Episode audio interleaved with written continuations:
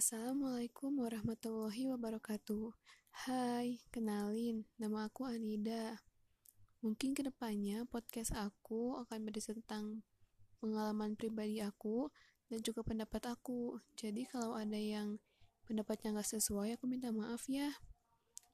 Aku juga nggak tahu sebenarnya nanti bakal ada orang yang denger atau enggak. Tapi seenggaknya ini bisa ngebuat hati aku lebih tenang dan lebih lega. Dan kalau ada yang ngedengar, semoga bermanfaat buat kalian ya.